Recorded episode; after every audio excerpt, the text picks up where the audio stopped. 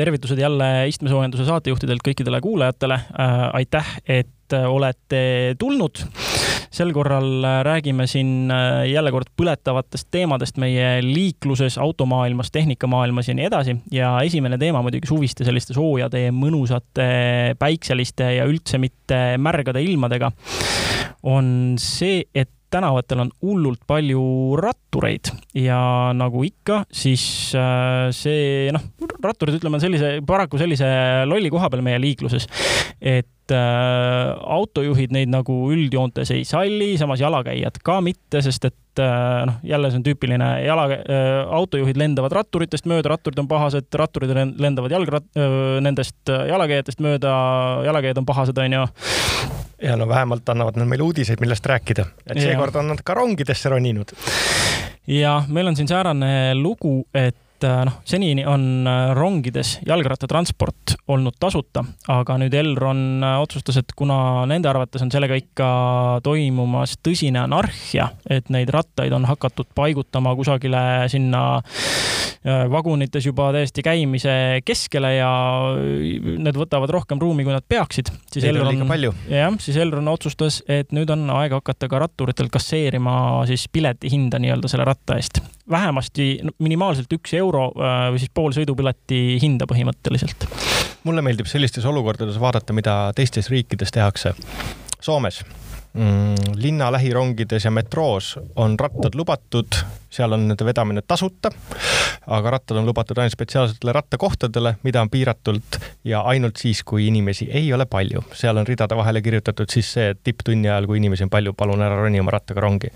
ja mhm. kaugliinides on samamoodi rattad lubatud, neile on spetsiaalsed kohad, aga rattapilet on olnud seal olnud juba aegade hämarusest ja rattapilet maksab neli kuni kaheksa eurot lausa mm. -hmm. ja samamoodi, et kui sul, sa pead ostma lisaks oma piletile siis selle rattakoha ja kui rattakohad on välja müüdud, siis sa oma rattaga rongi ei saa. okei okay,, see on äh, selles mõttes hea lähenemine, et äh, praegu tundub, et see ratturite pahameel on peamiselt tingitud sellest, et noh oli ju midagi tasuta, nüüd enam ei ole, kuidas siis nii saab? et noh, ühelt poolt ma saan ka nagu selles mõttes sellest aru, et äh, noh, me siin on ju, olen pikalt elanud Aru külas, kus oli, rong oli põhiline liikumisvahend sel ajal, kui äh, mina veel näiteks autoga liikuda ei saanud. eks siis oli ka rattureid palju ja noh, mõnel inimesel ongi, eriti maakohas elades, ongi ratas nagu põhimõtteliselt ainuke, ainuke võimalus minna, sest noh, lahendus ei ole see, et noh, hakkame kõik autodega liikuma, autostumine on nagu teine asi, mida linnades üritatakse maha tõmmata, onju. et noh, paljud ratturid sõidavadki rattaga mitte lihtsalt sellepärast, et see oleks neile kuidagi mugav või säästlik, vaid sellepärast, et nad kas ei taha või ei saagi endale autot lubada. et noh, selle koha pealt ma nagu osalt saan sellest pahameelest aru, et midagi oli tasuta, enam ei ole. aga samas, äh, millest see mulle kõneleb, on see, et äh, noh, kui asi on ikkagi niimoodi käest ära läinud, ütleme, kui sa pikalt oled millegagi harjunud ja hakkad seda võtma iseenesestmõistetava mugavusena, siis äh, ongi need äh, alati ilmuvad välja ka end igas inimgrupis peitvad jobud, kes teistega ei arvesta. no mul on selle asja juures äh, paar mõttekohta. esimene mõttekoht on nagu see, et äh, alati on küsimus, et kes selle kõik kinni maksab, et miks Anu mm -hmm. just täna väga hästi kirjutas sellest, et, äh, et kõik teised on senise kinni maksnud ja ma ise arvan, et teenuste eest on väga okei okay maksta. aga teine asi on see, et kui ma mõtlen Tallinna suuruse peale ja, ja üldse selle peale, et kui me räägime siin mingist kahest-kolmest peatuse vahest, mis äh, noh, on mõned kilomeetrid mm, -hmm. ütleme, et kuskilt Pääskülast Tallinna kesklinna võib-olla on seitse kilomeetrit, kuus kilomeetrit. et kui me räägime rattaga sõitmisest, siis kas sa tõesti kasutad ratast selleks, et sõita pool kilomeetrit raudteejaama, siis äh, sõita see kuus peatust äh, või viis peatust või mis iganes väikene distants, väikene distants mm -hmm. kesklinna ja seal siis veel pool kilomeetrit sõita. et noh, minul oleks natuke nagu isiklikult piinlik öelda, et Äh, ma ei suuda seda viite või kuute kilomeetrit äh, rattaga nagu ära sõita. ma saaksin mm -hmm. aru, kui me räägime Londonist või Berliinist, et sul on vaja ühest linna otsast teise minna, tohutu suured linnad, eks ole. et siis, siis sa võib-olla pead seal vahepeal nagu katma, aga kurat, see neli-viis kilomeetrit, kuus kilomeetrit, isegi kümme et kui mm -hmm. sa mhm. rattaga juba sõidad, et siis äh,. Go all the way, on ju. jah, võiks ja, nagu terve tee sõita. jah, aga sellega on jah, alati võib tuua nagu selliseid äh, vastanduvaid näiteid või nii mõlemast äärmusest näitest, et näiteid, et ka noh, siin äh, oli ka tekkinud küsimus siin tutvusringkonnas juba, et noh, et aga rongid on ju täis ka noori emasid oma lapsevankritega, kes on ju lesutavad üle mitme koha oma kompsudega ja võtavad ka palju ruumi, et miks siis neilt ei kasseerita midagi rohkemat. aga noh, lõppkokkuvõttes ongi see, et jälle kord tuleb üles võtta see teema, et igas inimgrupis peidavad end mõned jobud, kes ei oska teistega arvestada. ja radikaalid. ja, ja need jobud ja radikaalid ongi need, kes muidu ülla eesmärgi tihti äh, teiste jaoks ära rikuvad. et paraku on, äh, on ratturid need, kes meile saates on sellega nii-öelda ette jäänud tiheda teemana, aga, aga no on, ratta, rattasõidu kui sellise vastu ei, ei ole nagu mul isiklikult mitte midagi. kui seda saab mugavalt teha, äh, siis ja need inimesed, kes muidu kasutaksid ratta asemel autot, seda ei tee, siis lõppkokkuvõttes on ju keskkonnasääst. aga mis jällegi jätabki tihti, mulle tundub, teistele autojuhtidele selle kehva maigu juurde, on need ratturid, kes üldse teistega ei arvesta, ajavad taga oma õigusi, aga ei pea kinni oma kohustustest. no jällegi noh, kõik need liikluskorra kehtestamise vahendid kehtivad ikkagi üldjuhul ka ratturitele sama, samamoodi nagu autodele. punased tuled, paremaga ristmikud. stopp-märgid. liiklust ei tohi takistada. jah, et seal, seal on see, et, et just need, kes, kes kõige kõvemahäälselt oma õigusi nõuavad ja seejuures kohustused unustavad, need, need ongi need seltskond ära eksinud jobud paraku. ja kui nüüd Äh, vaadata seda, mis noh, ja kui me jällegi isoleeritult vaatame seda, mida Elron teeb, on ju, võtamegi seda kui nii, meil oli probleem, rattad äh, on, äh, on moodustunud rongidesse rattarägastik, lahendame selle kuidagi ja, ja noh, ja Elron ongi ühe eraldiseisva ettevõttena võtnud selle kõige lihtsama lähenemise, et no läheme siis inimeste rahakoti kallale, et seda kontrollida.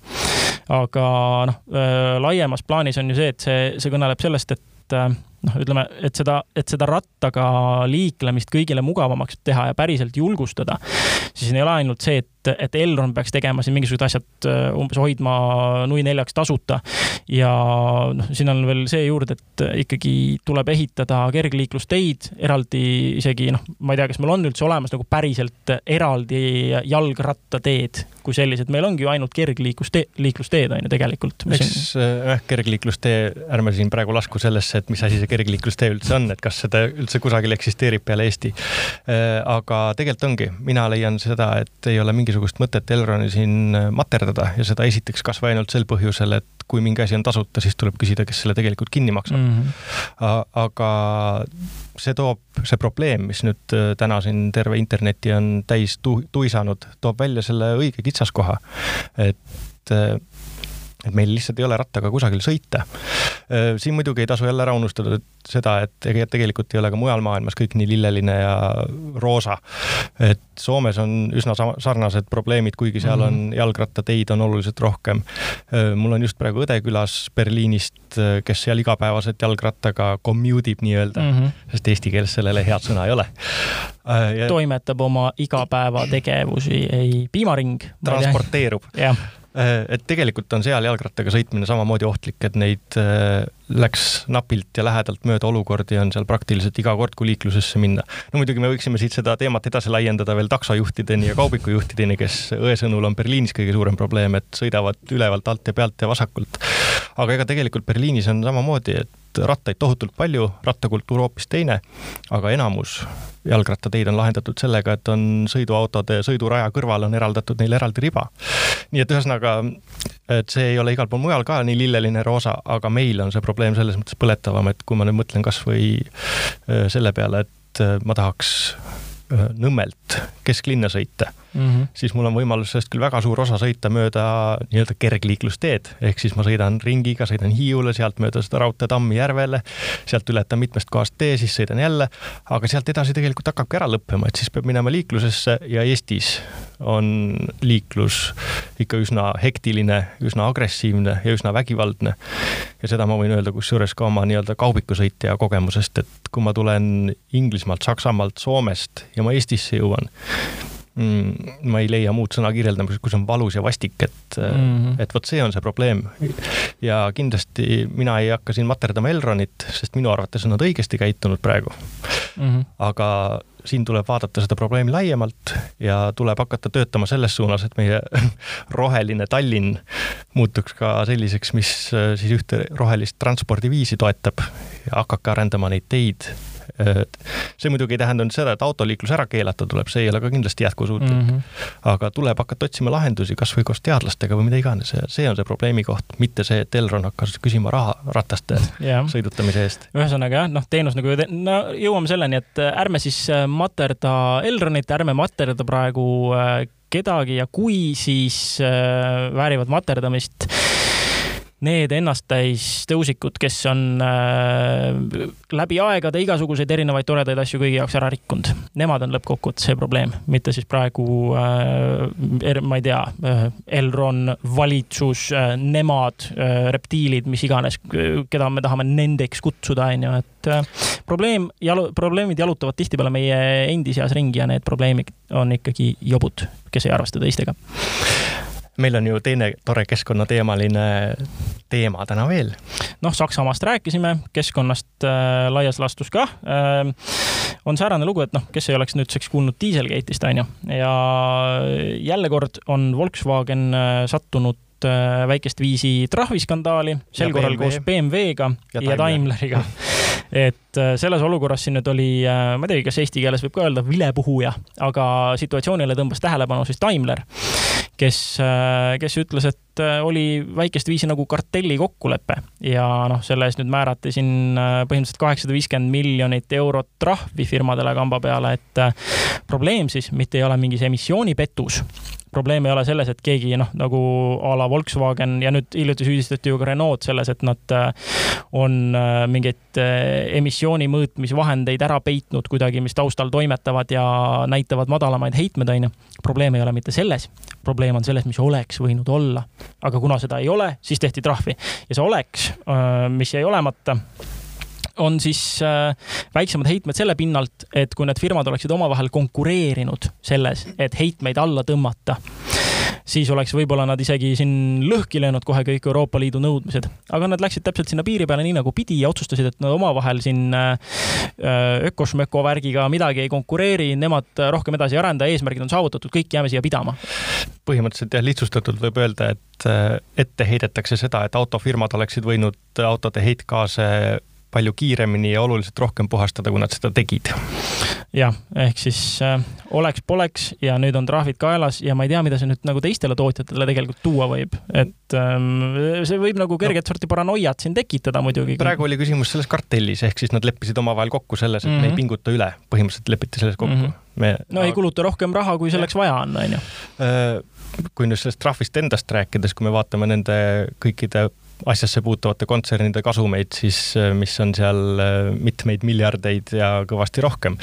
et siis äh, nende jaoks see tõenäoliselt on niisugune, keegi kirjutas väga hästi, et nagu väikene löök vastu näppe, et ärge rohkem tehke mm, -hmm. et see neid nagu nii hullusti ei mõjuta, mõjuta, et kasum jääb väiksemaks aga üldiselt ma tahaks selle teema kohta öelda, et see on üks mu lemmikteemasid, et see on üks neid väheseid teemasid, mis mind ajab samamoodi leili nagu liikluses tegutsevad liiklusdebiilikud. et et äh, tekitab minus liiklusviha. ja, ja siin on tegelikult sama asi, ma olen täna hästi tole to,, tolerast, sest et äh, mina ei heida nendele autotootjatele mitte midagi ette. et äh, see kogu see heitgaaside süsteem ja selle heitgaaside piiramise süsteem on selline noh, tänaseks on ta üle võlli mm. -hmm. ja minu jaoks on see üsna ka äh, lihtsalt selline turundus ja marketing ja lobitöö. ma ei ütle siinjuures mitte kuidagi seda, et et äh, keskkonda ei peaks säästma või et ei peaks tegelema selle nimel. aga noh, ütleme, ma toon väga lihtsa näite, sest meil ei piisaks isegi viiest saatest, et see teema siin üksipulgi lahti lammutada.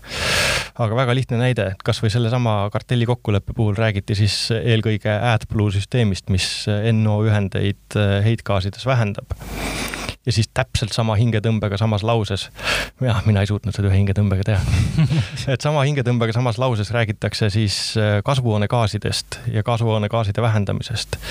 Need äh, NO ühendid, mida AdBlue'ga põletatakse, need ei ole kasvuhoonegaasid. jah, nad aitavad küll kaasa seal mingite teiste ühendite tekkimisele, aga me lõppkokkuvõttes räägime mingisugusest alla alla kümneprotsendilisest osakaalust kõikidest kasvuhoonegaasidest. et et, et ühesõnaga kõik ongi segi nagu puder ja kapsad, et ühest küljest räägitakse AdBlue süsteemist, mille ainus eesmärk on, noh, peamine eesmärk on vähendada siis inimese tervisele kahjulikke osakesi ja hoida linnaõhtu puh-, linnaõhku puhtamana ja siis samal ajal hakatakse rääkima kliimaeesmärkidest ja kasvuhoonegaaside vähendamisest, et need on täi-, tegelikult on täiesti erinevad teemad ja siis lõppkokkuvõttes, noh, tänase saate lõppkokkuvõtteks mm, -hmm. et eks me ilmselt puudutame neid teemasid veel. et kui me nüüd vaatame sõit, sõiduautode poolt tekitatavaid kasvuhoonegaase, tuletan meelde, mis ei ole selle kartelli kokkuleppega seotud siis lõppkokkuvõttes me räägime sellest, et umbes viisteist protsenti, noh, erinevatel andmetel kaksteist kuni viisteist protsenti osakaal kõikidest kasvuhoonegaasidest on see, mis on maanteetranspordil mm. -hmm. ja siis kogu see tsirkus, kogu see vähendamine, kogu see väänamine, see mängib selle pisikese viieteist protsendiga äh, ütleme siis viisteist protsenti. Mhm. ja mida selleks siis tehtud on, et tänased heitmete nõuded on muutunud selliseks, et äh, autotootjatel on juba praktiliselt võimatu ehitada sellist mootorit, mis oleks samal ajal võimas, vastupidav ja suudaks täita kõik need äh, heitmenormid.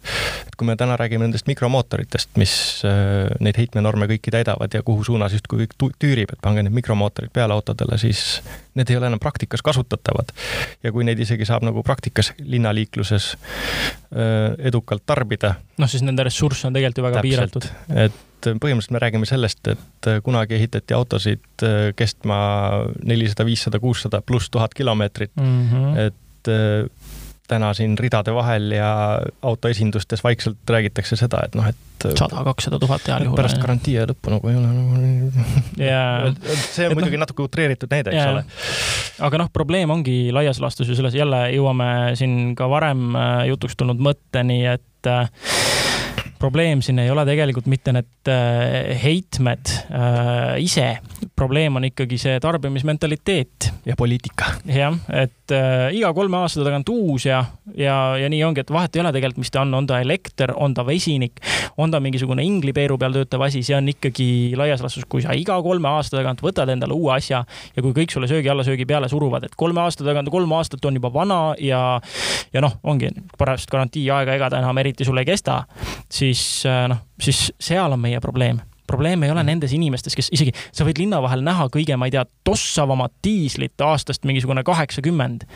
aga tegelik A probleem on see, kui kusagilt Alibabast või kust iganes äh, tellitakse lihtsalt mingisugust odavat roina. jah, põhimõtteliselt see kohale toimetamine üle ilma juba põhjustab siin sul rohkem emissioone ja noh, et laias laastus ongi see, et äh, minu selline moto on alati olnud autode osas, et ikkagi võta ja kasuta, kuni ressurssi on, kasuta, kuni teda on, äh, kuni teda on äh, majanduslikult mõistlik taastada veel ja hooldada ja pidada.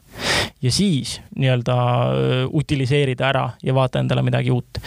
et see, see mentaliteet on siin mure, et selle tõesti, nagu sa ütlesid, viisteist protsenti laias laastus, ega me sellega isegi, kui see päevapealt nulli tõmmata, ega me sellega tegelikult midagi suurt ei võida. ja vot ma võib-olla ikkagi tulen ühe pisikese nüansi juurde veel siin saates, et, et lõppkokkuvõttes, kui me võtame mingisuguse üheksakümnendate keskpaiga auto, et siis ja võrdleme sellel küljes olnud tehnikat sellega, mis tänastel autodel kohustuslikus korras peal on, sealhulgas seesama rohekola, kõik alates mm -hmm. AdBlue süsteemidest kuni tahmafiltriteni, eks ole. et sellesama tootmine on ka ju ressurss, sellel samal on ka eluiga ja ega meil ilmaasjata ei ole autod tänapäeval nii kalliks läinud, et kogu seda kolamajandust, sealhulgas äh, väga suurt osa sellest nii-öelda kohustuslikuna on lihtsalt nii palju. ja, ja siis ma tegelikult tahaks, et keegi arvutaks välja selle, et et, et mis on nii-öelda ühe üheksakümnendate nii-öelda igikestva masina nii-öelda tegelik keskkonna jalajälg ja siis sinna kõrvale võtta ühe kaasaegse auto nii-öelda see summaarne jalajälg. jaa, absoluutselt, kaasaegse auto summutist väljub puhtam õhk, aga kas sellepärast jääkarud nagu alles jäävad või mitte mm, -hmm. see on mhm. minu meelest hoopis teine küsimus. ja lõpp, ja selle teema lõpetuseks ma veel tahaks öelda, et, et tulebki lihtsalt Äh, aru saada, millest jutt on, et me ei saa rääkida mingisugusest linnaõhu puhastamisest äh, lokaalsel tasandil, et inimeste tervis oleks parem ja, ja siis nii-öelda maailma päästmise, kliima soojenemise vähendamise ja süsihappegaasi emissiooni vähendamist, me ei saa neist rääkida ühes samas lauses. aga minu meelest ongi kõige suurem probleem seotud sellega, et kõik pannakse kokku. see on justkui nagu niisugune üles haibitud, et tekitame paanikat, et hirmus jube, jube, jube.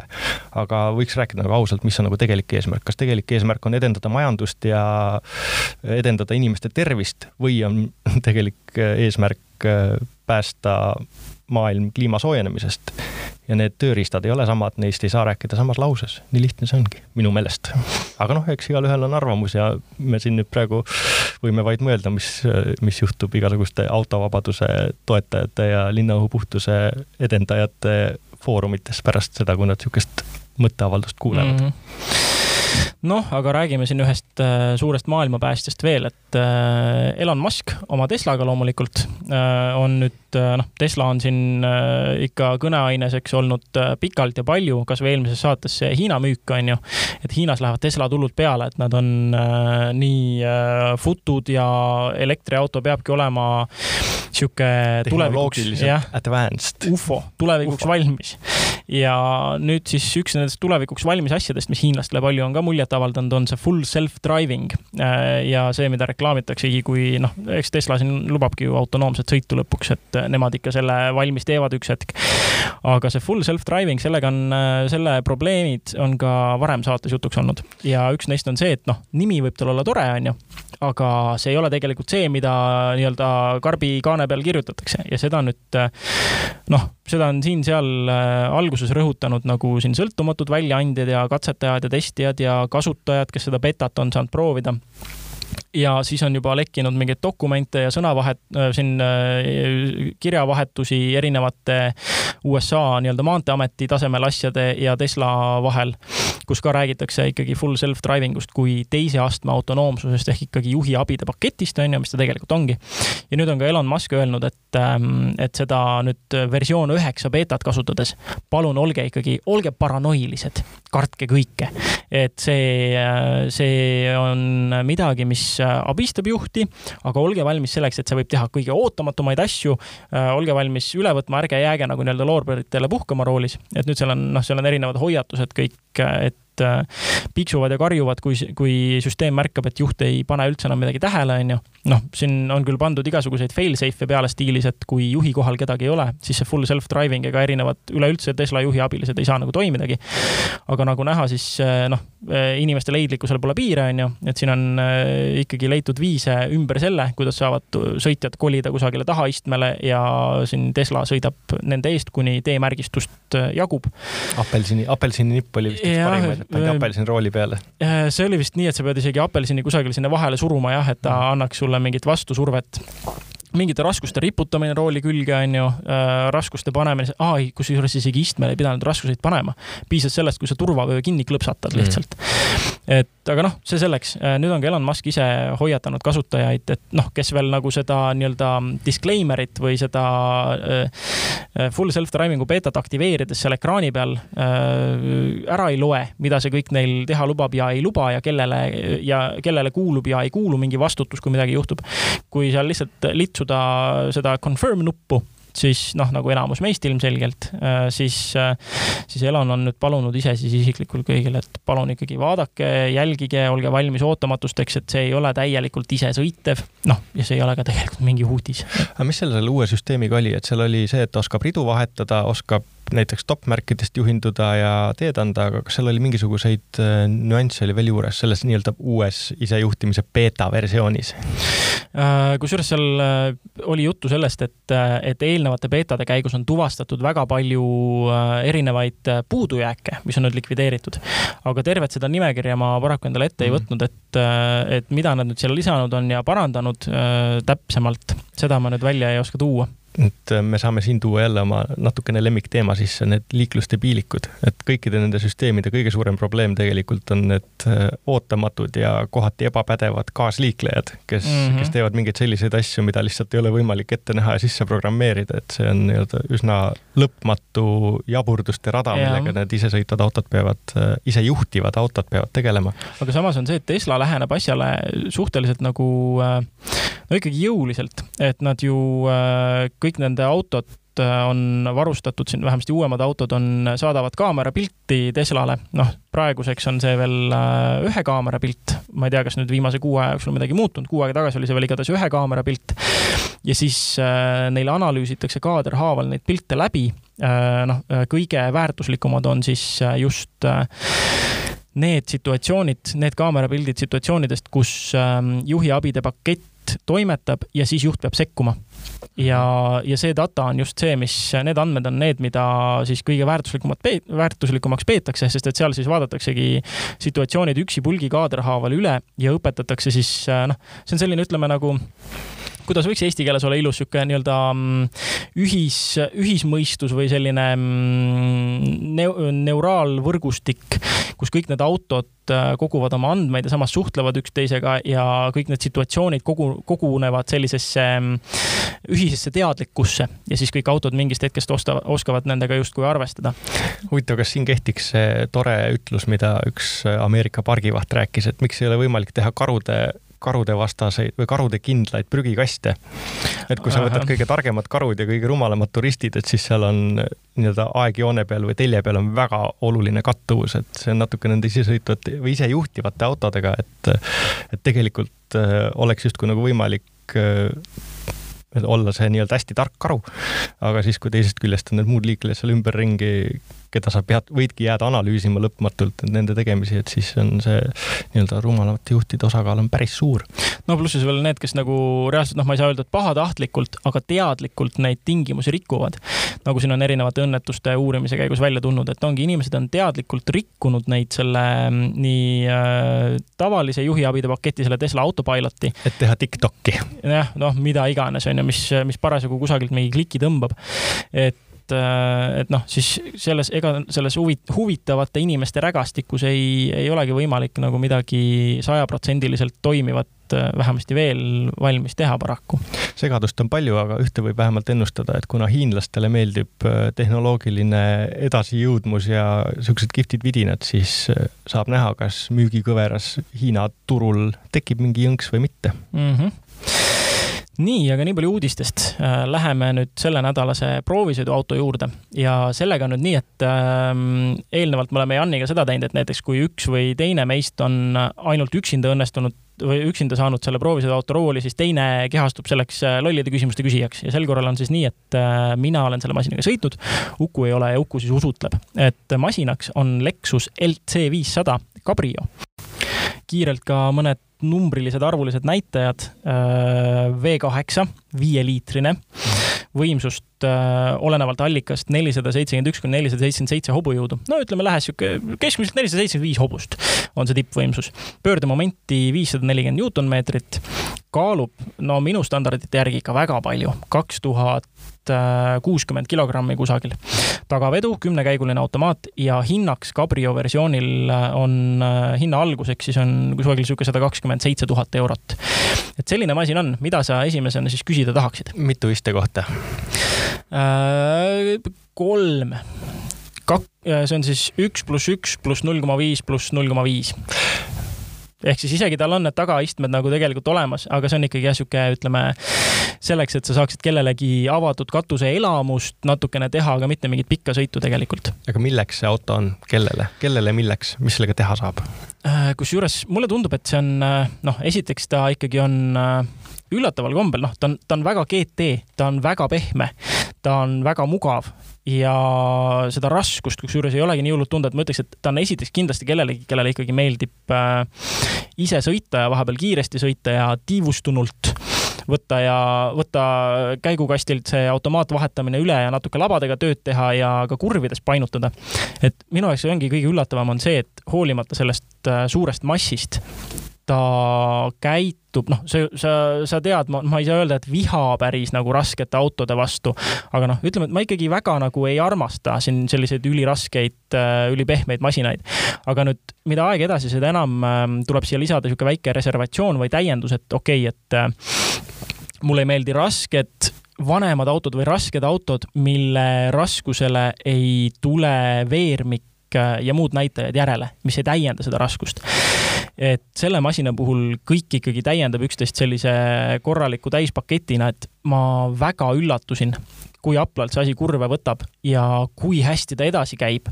ja noh, ma ei, ma ei tunne seal roolis, et ma oleks rohkem kui kahetonnise auto roolis. kas ja, sellel on hübriidajam ka küljes või äh,? ei, aga pakutakse V6-ga hübriidi ka no,. Ähm, võib-olla ütlen vahepeal kommentaariks selle kaalu kohta, et sa ütlesid napilt üle kahe tonni.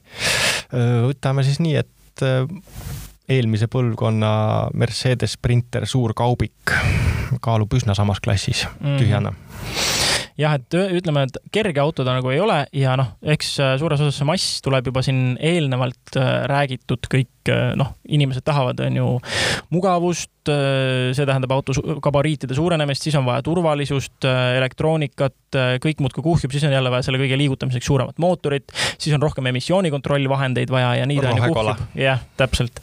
Et et, et noh, eks ta niimoodi kuhjub, aga selle auto puhul on, mis jällegi neid moodsaid raskeid autosid täiendab, on lisaks sellele, et ajami ja veermiku tehnoloogia on nii hästi edasi läinud, on ka šassii jäikus. me ei saa siin võrrelda tegelikult enam isegi kümne aasta lõikes ei ole ebatavaline see, et, et kümne aasta taguste vanade mudelite šassii on, ongi reaalselt kaks korda või veel rohkem siis ütleme lödi kui uutel. et et, et selle koha pealt see ootamatult nauditav on selle masinaga sõita, ehk siis tagasi selle juurküsimuse juurde, kellele see auto on.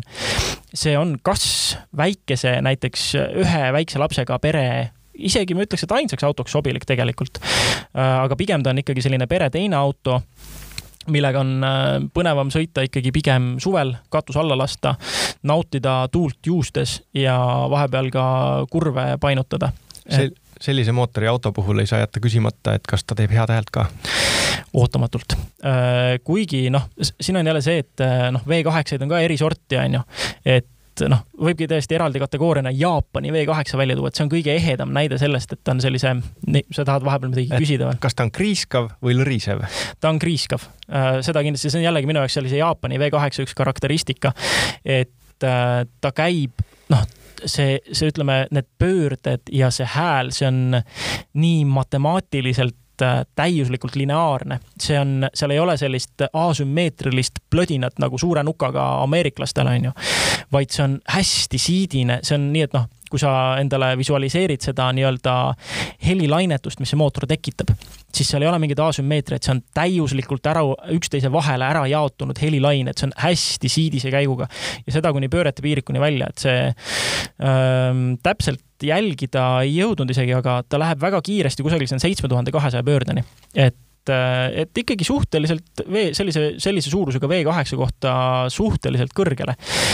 käigukast vahetab väga kiiresti ja kui sa väljalaske soo-, äh, soojaks sõidad kenasti, äh, siis allavahetustel noh, ta ei ole, tal ei ole sellist äh, ütleme, sünteetilist paukumist, pragisemist, popsumist sisse kirjutatud.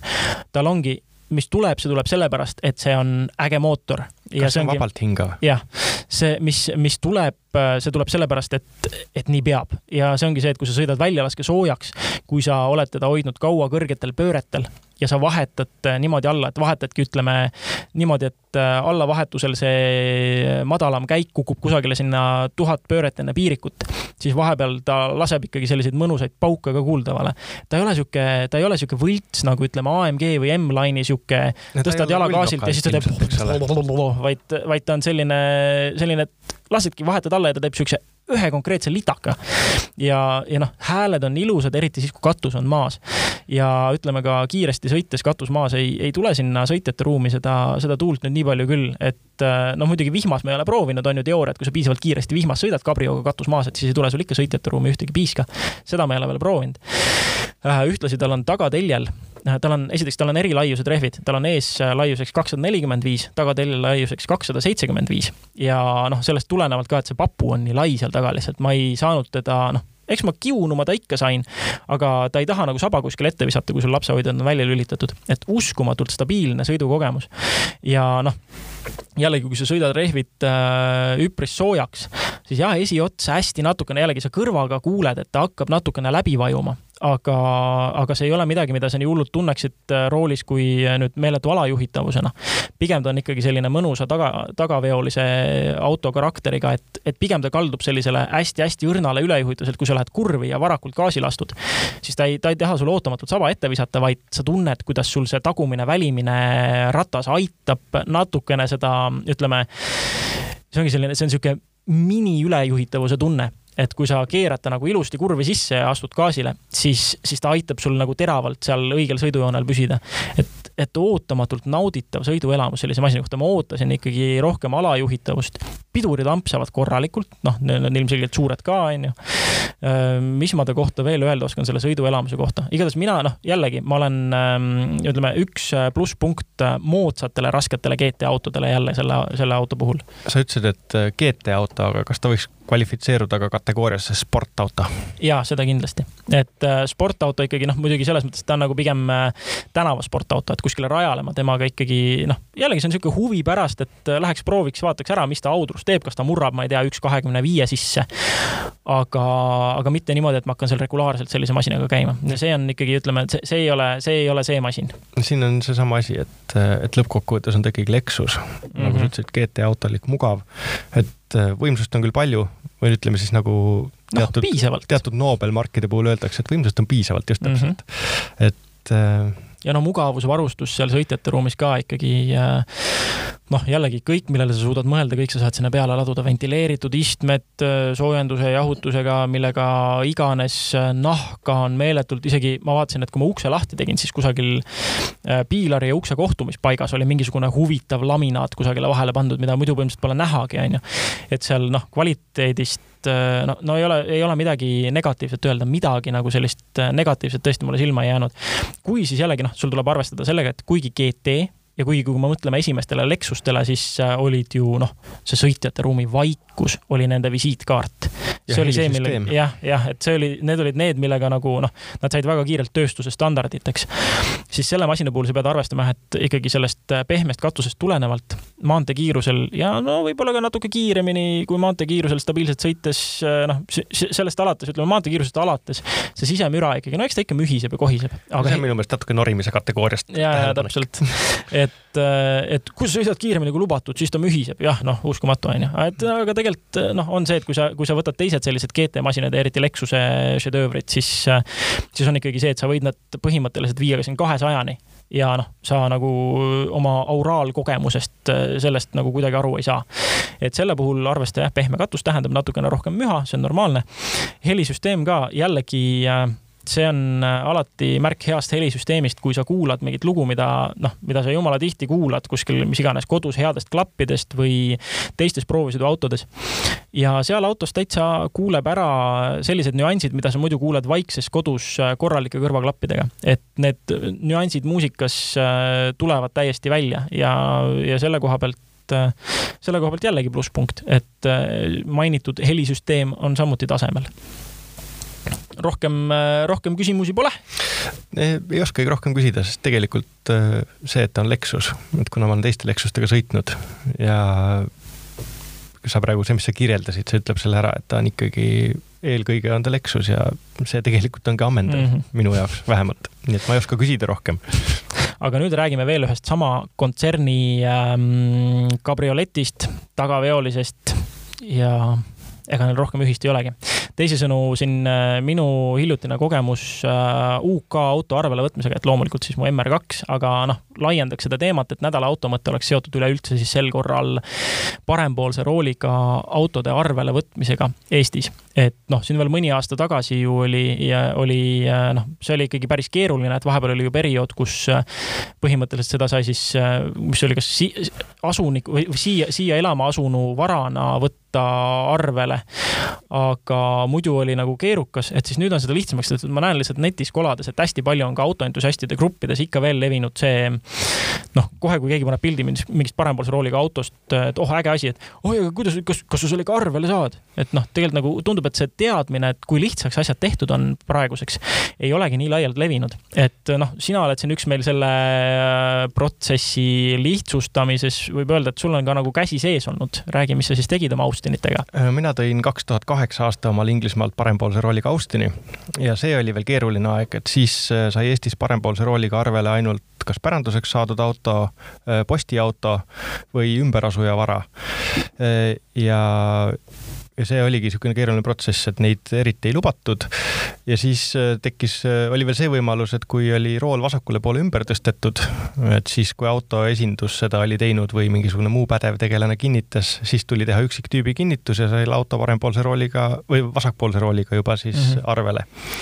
aga elu muutus lilleliseks aastast kaks tuhat neliteist, kui Euroopa Kohus tegi sellise lahendi, mis ütles, et äh, riigid ei või sisuliselt keelata autode registreerimist ja see oli poolakate ja leedukate teene tegelikult, et nemad kaebasid selle tuntud autoärikatena, äh, kaebasid äh, omad riigid kohtusse ja Euroopa Kohus andis neile õiguse.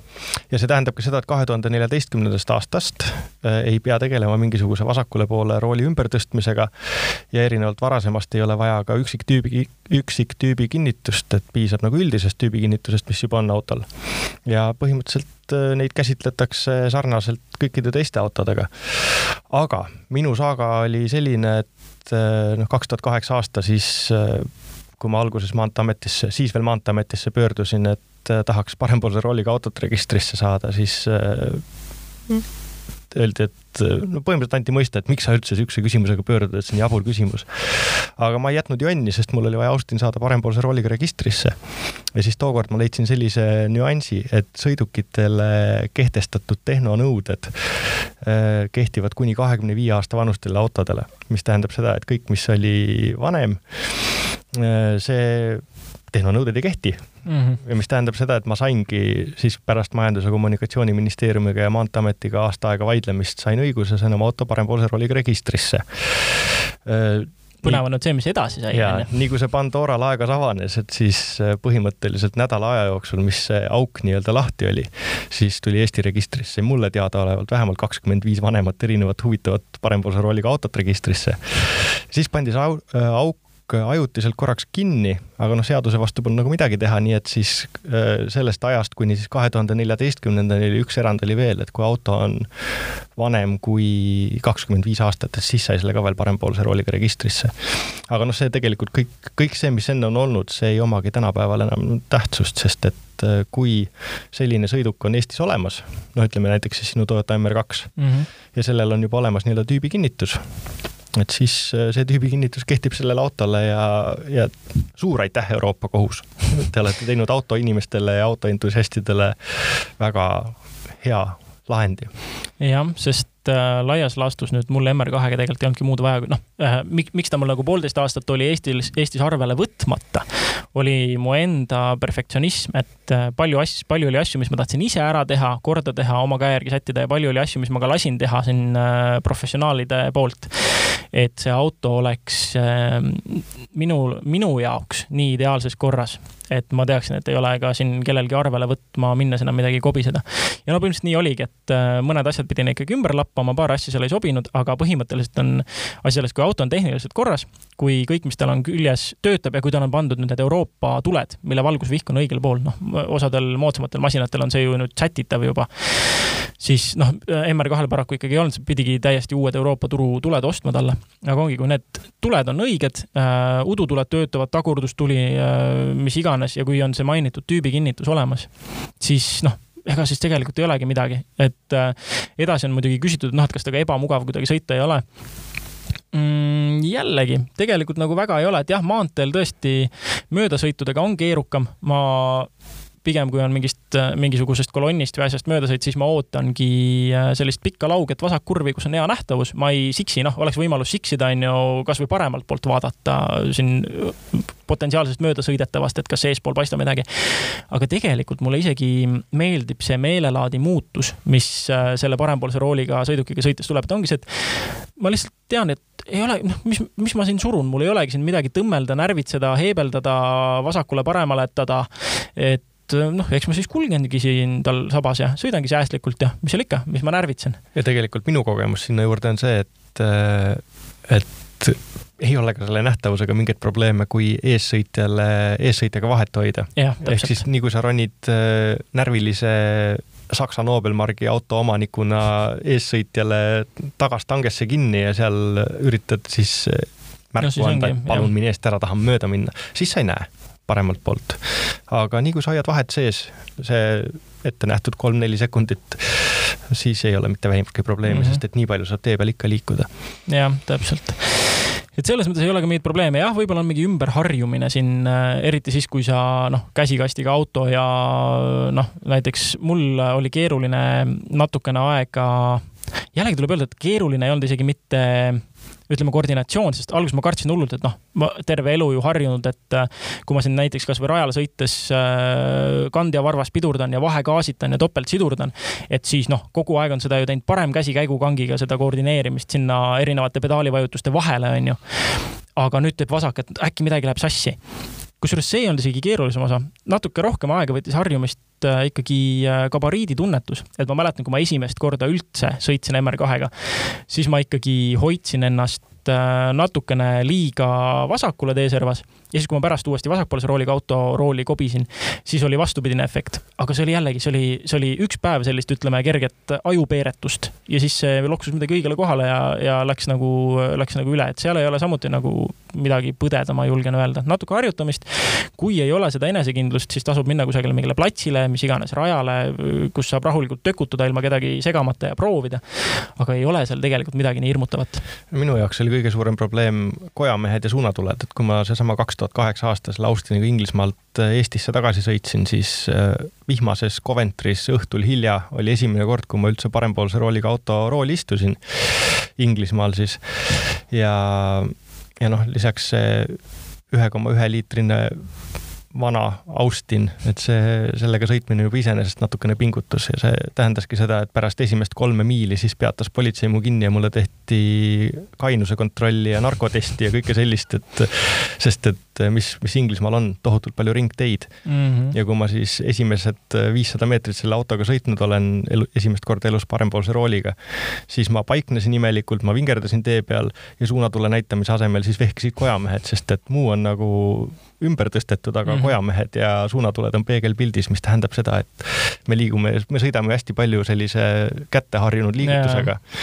ja siis, kui oled harjunud, et vasaku käe all on suunatuli ja ja siis ringi peal hoopistükkis kojamehed vehkima paned, et siis see on väga kerge viga tulema no aga kogu selle asja valguses on tõesti veel kord tuleb jah tänada, et selline lahendus on meile nüüd võimaldatud, sest noh, äh, tagantjärele on muidugi kurb mõelda kõigile nendele masinatele, millel, eriti haruldastele masinatele, millel tõstetigi rool vasakule poole ümber, et arvele võtta, mis tegelikult ju selle masina väärtust äh, ikkagi äh, tavaliselt langetab. et noh, mulle näiteks on teada Eestis üks, üks neljasaja kahekümne neljast üliharuldasest Subaru WRX STi kakskümmend kaks B-st ja sellel on samamoodi, noh, nad tulid kõik parempoolse rooliga.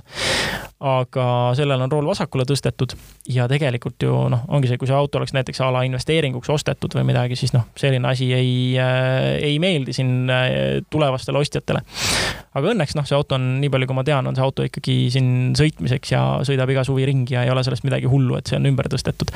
aga noh, ongi see, et sul on, kui sul on heas sellises korras masin kakskümmend kaks B, siis noh, need praegu juba maksavad üle saja tuhande, aga nii-öelda rüvetatud rooliga masin, noh, ma arvan, et see on ikkagi konkreetselt viiskümmend protsenti hinnast lihtsalt maha raiutud.